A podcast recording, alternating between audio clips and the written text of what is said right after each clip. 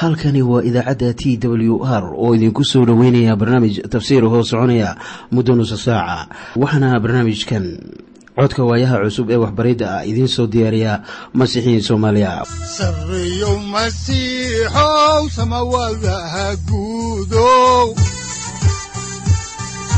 Siraadkii adduunkow subanaha eebow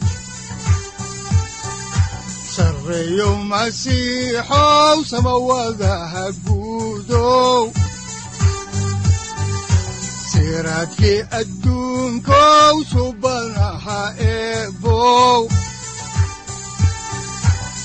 adigoo samaada jiro ifkaan soo saldhiganba adigoo kutubtiisanaye udanogu saaciiday sharxin sifahaaga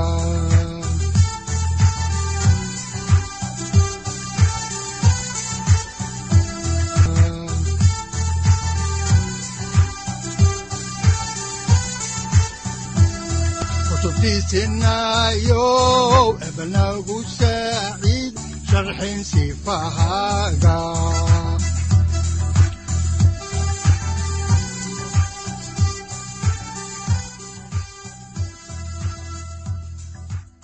ku soo dhowaada dhegeystayaal barnaamijkeena dhammaantiinba waxaanu horay u sii ambaqaadi doonnaa daraasaadkii aynu ka soo xiganaynay kitaabka bilowgii ee loogu magacdaray baibalka dhammaantii.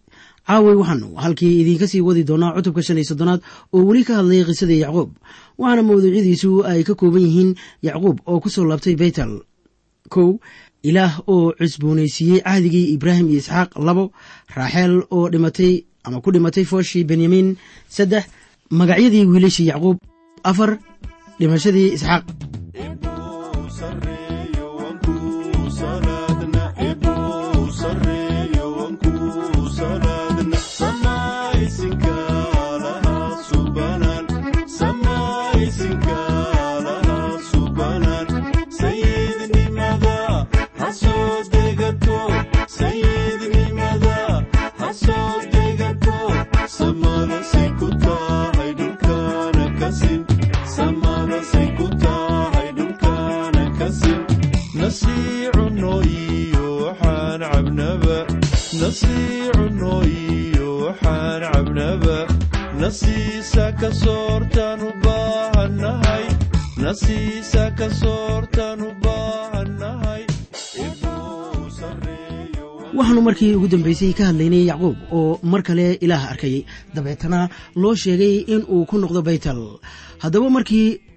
noloshaadu noqoto mid aan wax soo saar lahayn oo maran waxaa habboon in aad hareerahaaga eegto.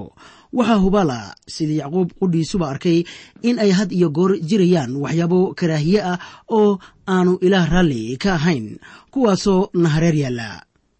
Innagoo qisada halkii ka sii wadayna ayaan haatanna eegaynaa cutubka shan iyo soddonaad aayaddiisa labaadoo leh markaasaa yacquub ku yidhi dadkii gurigiisa iyo intii isaga la jirtay oo dhan iska fogeeya ilaahyada qalaad oo idinku dhex jira oo isdaahiriya ama isdaahirsha oo dharkiinnana beddesha dhowr waxyaabood buu yacquub u sheegay in ay dadkiisu sameeyaan. Markii ugu horreysay waxay ahayd in ay ilaahyada qalaad iska fogeeyaan kuwaasoo ay haysteen. Waa wax lala yaabotaa waayo waad xusuusan kartaan markii yacquub la soo cararay lii'ah iyo raaxeel in ay raaxeel la seexatay ilaahyadii ama asnaamtii qoyska aabbaheed lahaa. Sida abaarta way ku kor fadhiisatay markii ay saarnayd awrka waana ay ku gurguuratay halka sare ee heeryada way ku fadhiisatay waayo asnaamtaasu waxa ay ku hoos jireen heeryada ratiga. Yacquub ma ogeyn markaa in ay soo qaadatay. Daacadnimu ku hadlayey markii uu laabaan ku lahaa asnaamtaadu halkan ma yaalliin waxaa laga yaabaa intaasu ka mid ahayd xilliyadii yaraa ee uu daacadnimo ula hadlayey laabaan. Bilxaqiiqa ma uusan ogeyn in asnaamtu halkaa ku jirto. Markii la ogaaday ayaan u malaynayaa innagoo dhan in yacquub doonayey in uu ka takhalluso waayo waxa uu garanayey ilaaha baaqiga ah ee nool. Bilxaqiiqa ilaah foolka fool buu u arkay laakiin ma uusan baabi'inin sanamyadaas. Haatanse waxaynu arkaynaa in qoyskiisa oo dhan ay caabudi jireen ilaahyada qalaad. Waa markii ugu horreysay ee yacquub qaaday hogaaminta reerkiisa ee dhanka ilaah ka cabsiga waxaana uu leeyahay aynu baabi'inno ilaahyadan qalaad ama beebeenta tan koowaad ee ay tahay in ay sameeyaan waxa weeye inay iska fogeeyaan waxyaabaha noloshooda wereerinaya oo ay ilaah u qirtaan dembiyadooda. Warqaddii koowaad ee rasuul yoxanaa cutubka koowaad aayadda sagaalaad ayaa lagu qoray haddaynu dembiyadeenna qiranno isagu waa aamin iyo caadil inuu dembiyadeenna inaga cafiyo oo uu inaga nadiifiyo xaqdarrada oo dhan. Ilaa intii wakhtigaa laga soo gaarayey yacquub uma noolayn sida ilaah ka doonayey inuu u noolaado waxa uu haatan leeyahay aynu ku laabanno baytel taasuna waa waxa ay tahay inaannu samayno. Haddaba aynu haatan dib ugu noqonno kitaabka bilowgii cutubka shan iyo soddonaad oo eegno aayadda saddexaad waxaana qoran sida tan oo inakiciya aynu baytel tagne oo anna halkaas meel allabari baan uga samayn doonaa ilaahay ii jawaabay maalintii aan dhibaatoonayey oo ila jiray jidkii aan maray ibraahim iyo isxaaq waxa ay sameeyeen meel allabari haatanna yacquub ayaa samaynaya meel allabari si uu ilaah ugu mahad celiyo. Wuxuu haatan u markhaati furayaa ilaah. Waxaa qoran in yacquub yidhi ilaahii ii jawaabay maalintii aan dhibaatoonayey oo ila jiray jidkii aan maray. Waxaa noo muuqda in uu isbeddel ka dhex bilowday gurigiisa waxaana kaloo reerkiisa uu ku yidhi inakiciya aynu baytal tagne waxaad haddaba ogaataa in yacquub haatan qaadanayo kaalintii abaabul ee qoyskiisa. Haddaan halkii ka sii wadno kitaabka bilowgii ayaa waxaa ku qoran cutubka shan iyo soddonaad aayaddiisa afraad sida tan markaasaa yacquub wada siiyey ama wada siiyeen dadkii weeye ee ilaahyadii qalaad oo gacantooda ku jiray iyo hilqadihii dhagahooda ku jiray yacquubna waxa uu ku qariyey geed shekem ku agyiil hoostiisa. Balaan yaraha kado oo aan idhaahdo hilqadahaas waxa ay ku xiriirsanaayeen caabudistii waagaas. Waxyaabo badan ayaa uu qorniinku ka leeyahay taas. Hilqadaha haweenku xidhaan waxaa lagu macneeyaa inay yihiin sanam markaana way iska wada fureen. Waxaa qoran yacquubna waxa uu ku qariyey geed shakam ku agyiil hoostiisa. Yacquub waa iska dheereeyey sanamyadaas. Meel buu ku qariyey wuuna aasay waa in uu iska fogeeyaa waayo haatan waxa uu bilaabayaa nolol cusub. Haddaan halkii ka sii wadno kitaabka ayaa waxaa ku qoran cutubka shan iyo soddonaad aayadihiisa shan ilaa lix sida tan. Wayna socdaaleen magaalooyinkii ku wareegsanaa oo dhanna cabsi weyn baa ku dhacday mana ay ka daba tegin reer yacquub. Yacquubna waxa uu yimi luus oo ku taalla dalka kancaan taasuna waa baytal. Isagii iyo dadkii la jiray oo dhammuba. Waxaa meeshan loogu yeeraa luus ka hor intaanu yacquub magaceeda u bixinin baytal. Dadkii maalinta waxa ay u garan jireen luus mase ay u aqoonin baytal. Waxaanse innaga oo dhan u naqaanaa baytal. Haddaan halkii ka sii wadno qorniinka ayaa waxaa ku xusan cutubka shan iyo soddonaad aayaddiisa toddobaad sida tan soo socota. Markaasuu halkaa ka dhisay meel allabari waxaana uu meeshiisii u bixiyey elbaytal maxaa yeelay ilaah baa halkaa ugu muuqday isaga markuu ka cararayay walaalkiis.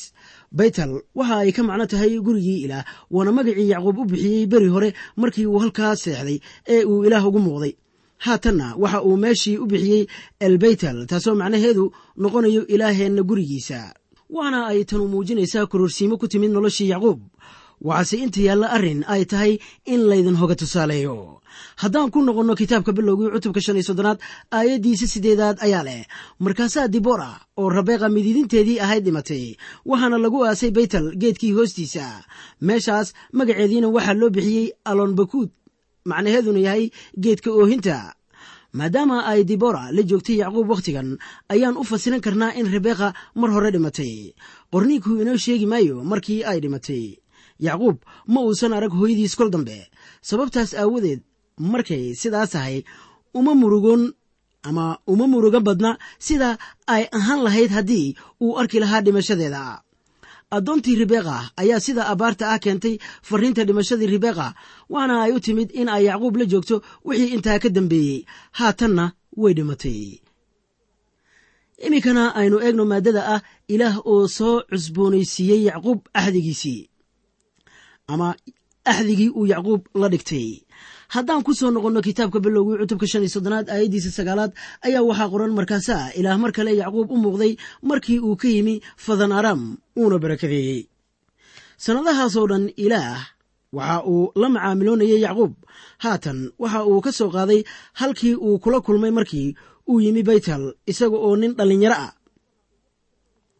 Sannadahaas waxa uu wakhti dheer la joogay abtigii laabaan kuwaasoo dhinacyo badan markii la eego la odhan karo waxay ahaayeen sannado lagu khasaaray. Balaynu haatan dib ugu noqonno kitaabka bilowgii oo eegno cutubka shan iyo soddonaad aayadaha toban ilaa koob iyo toban waxaana qoran sida tan. Oo waxaa ilaah ku yidhi magacaagu waa yacquub.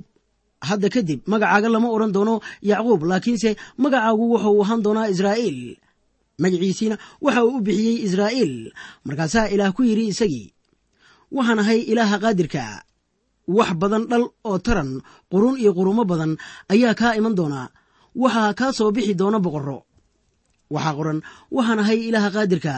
Xusuuso inuu sidaa xitaa ku yidhi ibraahim haddaan halkii ka sii wadno kitaabka ayaa waxaa ku qoran cutubka shan iyo soddonaad aayaddiisa labiiyo tobanaad sida tan oo dhulkii aan siiyey ibraahim iyo isxaaq adigaan ku siin doonaa adiga dabadaana faracaagaan siin doonaa dhulka rabbigu waxa uu ka fekerayaa dhulka iyaga muhiimka u ah. Haatan markaana waa markii saddexaad ee ilaah isugu ballanqaaday ama uu isaga u ballanqaaday dhul markii ugu horreysay waxa uu u ballanqaaday ibraahim waxaana ku xigay isxaaq. Haatanna wuxuu u ballanqaadayaa yacquub.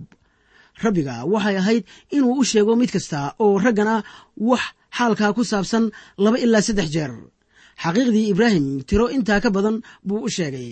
Haddaannu dib ugu noqonno kitaabka ayaa waxaa ku qoran cutubka shan iyo soddonaad aayadaha saddex iyo toban ilaa shan iyo toban sida tan. Ilaahna kor buu uga tegey isagii iyo meeshii uu kula hadlayba. Yacquubna meeshii uu kula hadlay isaga waxa uu ka taagay tiir kaas oo ahaa tiir dhagaxa wuxuuna ku dul shubay qurbaan cabniina saliidna wuu ku dul shubay. Yacquubna meeshii ilaah kula hadlay isaga magaceedii wuxuu u bixiyey baytal. Halkan baa laynoogu sheegay markii ugu horreysay ee la bixiyey qurbaanka fuuqista ah. Kitaabka laawiyiinta ayaa waxaa laga bixiyey shan qurbaan oo cabniin ah. Laakiin ma ahayn qurbaanka fuuqista khamriga.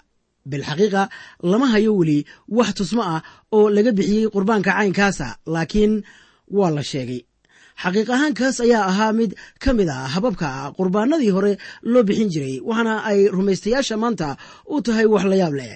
Qurbaankii cabniinka ama fuuqista ayaa lagu kor shubay qurbaanadii kale waxaana ay hawada u galeen sidii qiiq oo kale. Bawlos ayaa dadkii filibos u sheegay inuu jeclaan lahaa in noloshiisa loo bixiyo sida qurbaanka cabniinka ama fuuqista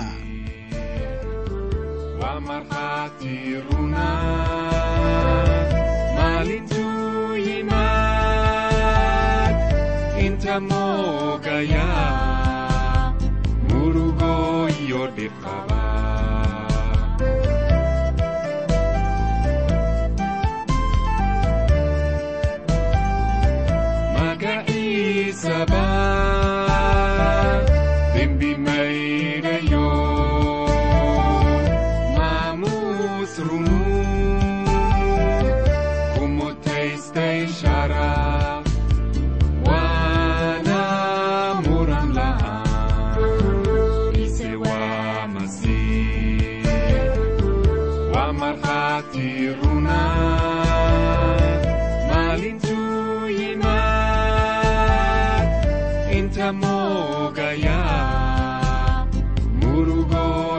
Jerusalem.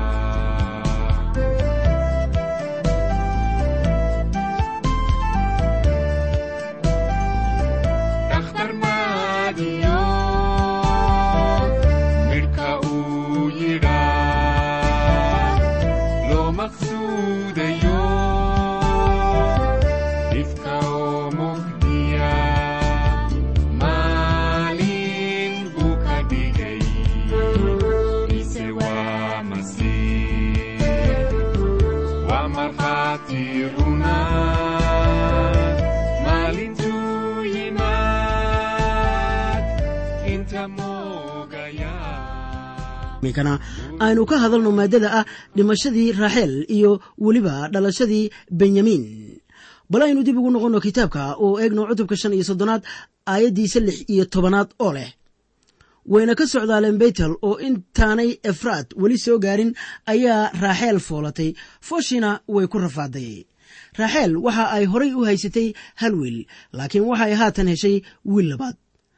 Haddaan halkii ka sii wadno ayaa waxaa ku qoran aayadaha toddobiyo toban ilaa siddeed iyo toban ee isla cutubkan sida tan.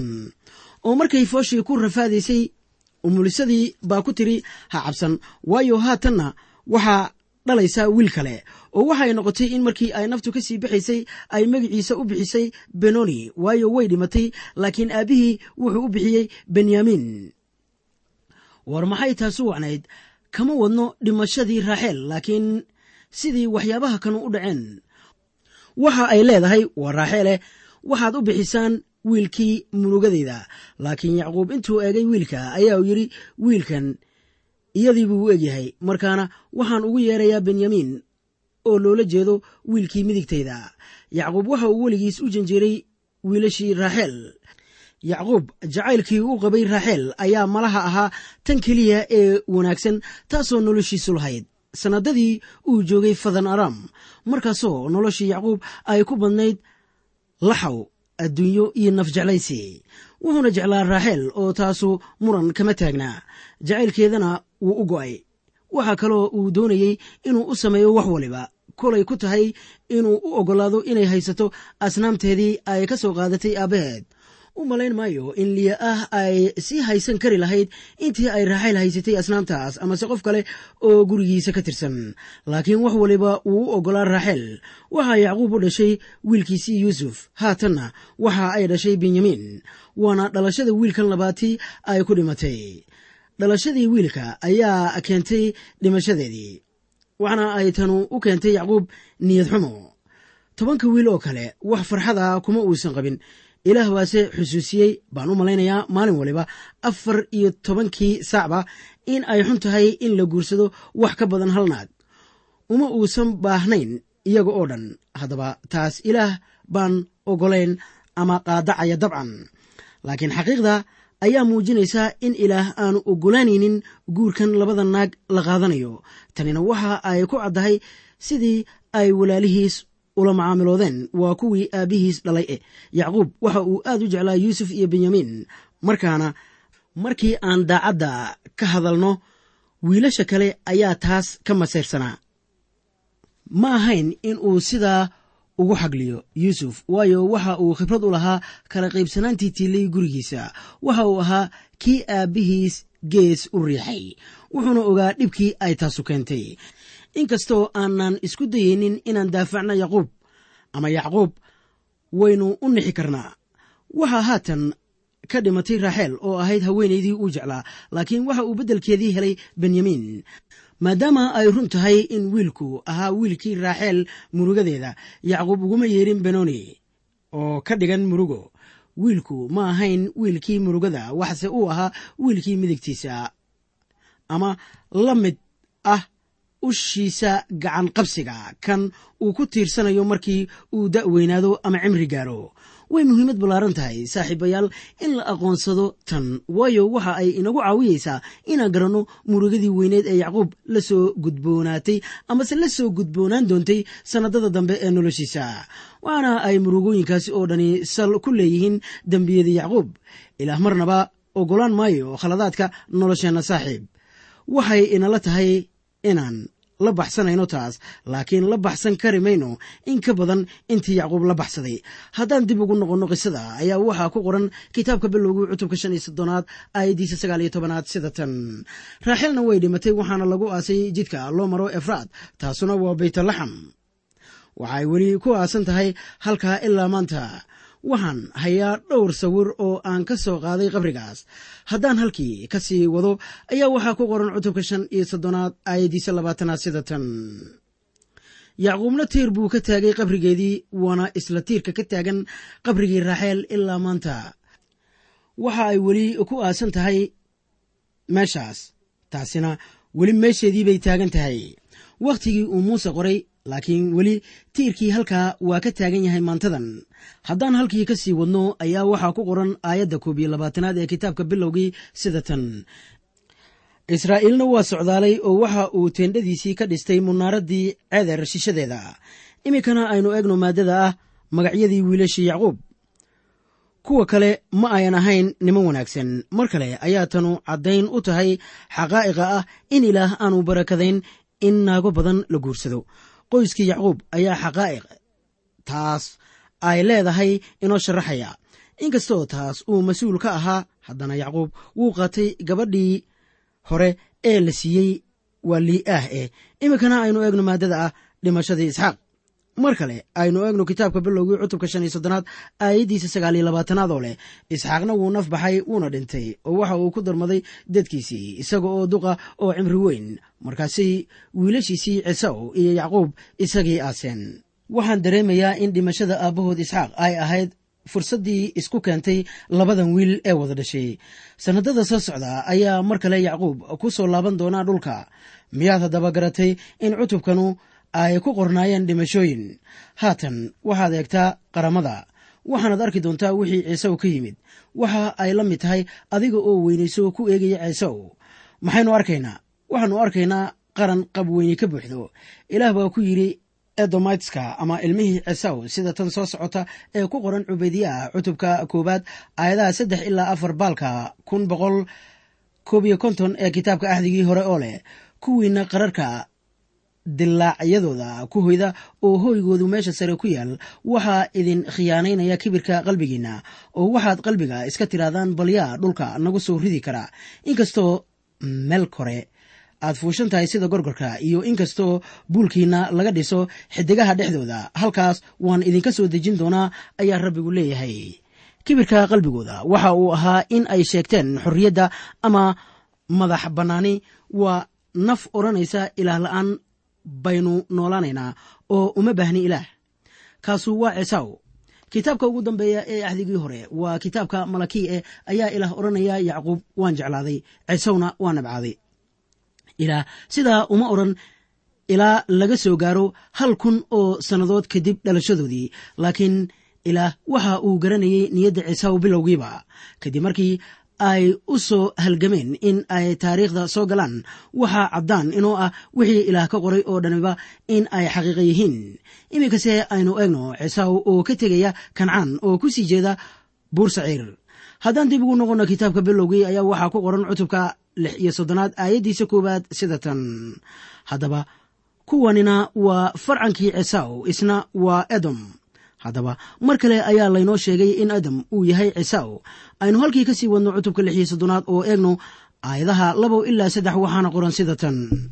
Cisaw waxa uu gabadhii reer kancaan ka guursaday cadax ina elon kii reer xeed iyo ahilobama ah ina cana oo ahayd ina sabicoon kii reer xiiwe iyo basmad oo ahayd ina ismaaciil oo la dhalatay nebayot cisaw waxaad xusuusataa in uu guursaday laba haween oo reer kancana iyo gabar uu ismaaciil dhalay.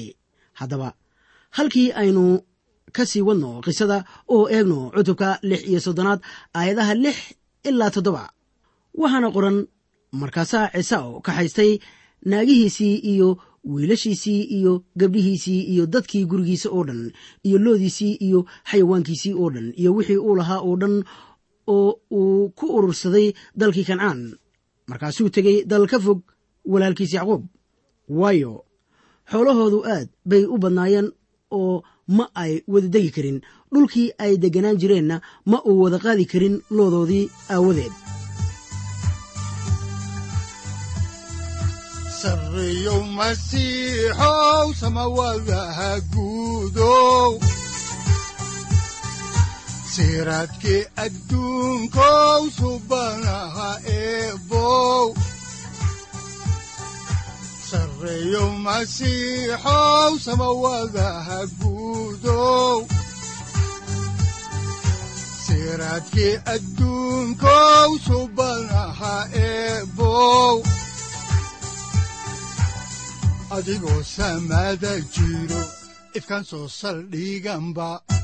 adigoo samaada jiro ifkan soo saldhiganba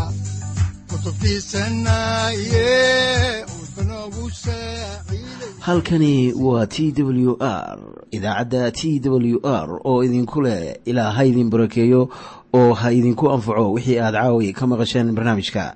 Waxaa barnaamijkan oo kalea aad ka maqli doontaan habeen dambe hadahan oo kale haddiise aad doonaysaan in aad fikirkiina ka dhiibataan wixii aad caawi maqasheen ayaad nagala soo xiriiri kartaan som t w r at t w r c o k e waxaad kaloo iimailada inoogu soo diri kartaan dhegaystayaal cinwaanka yahu-ga oo ah somali t w r at yahu com.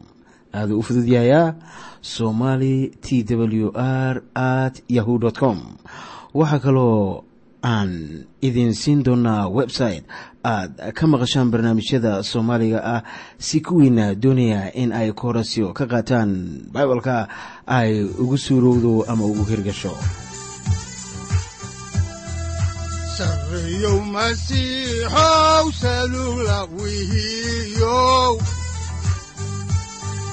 saacadda timid dhulka sabada ku dhalatiyo sayidnimada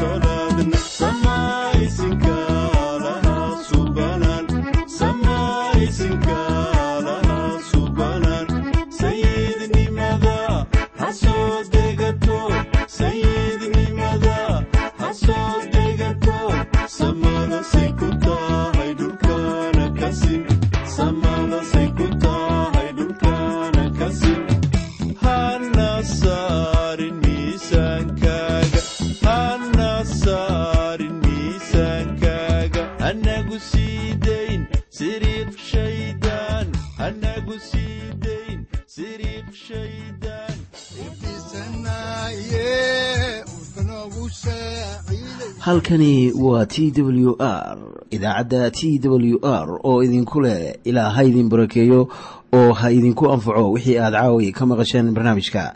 Waxaa barnaamijkan oo kalea maqli doontaan habeen dambe hadahan oo kale haddiise aad doonaysaan in aad fikirkiina ka dhiibataan wixii aad caawi maqasheen ayaad nagala soo xiriiri kartaan som t w r at t w r c o k e dhegaystayaal haddii aad doonaysaan inaad mar kale dhegaysataan barnaamijka fadlan mar kale booqo www t t b o r g ama www t w r o r g halka sare waxaad ku arkaysaa markii aad gasho language ama luuqadda waxaana dooranaysaa soomaali haddii aad doonaysaan in aad dejisataan oo kaydsataan barnaamijka ama aad mar kale dhegaysataan fadlan mar kale booqo www t t b t w r o r g ama www t w r o r g haddii aad doonayso in laga kaalmeeyo dhinacyada fahamka kitaabka amase aad u baahan tahay duco fadlan fariimahaaga soo mari bogga aaraahda ama kommentska inana jawaab degdeg ah ayaanu ku soo diri doonaa amase ku siin doonaaye sareeyow masiixow salula wihiyow saacadda timid dhulka sabada ku dhalatiyo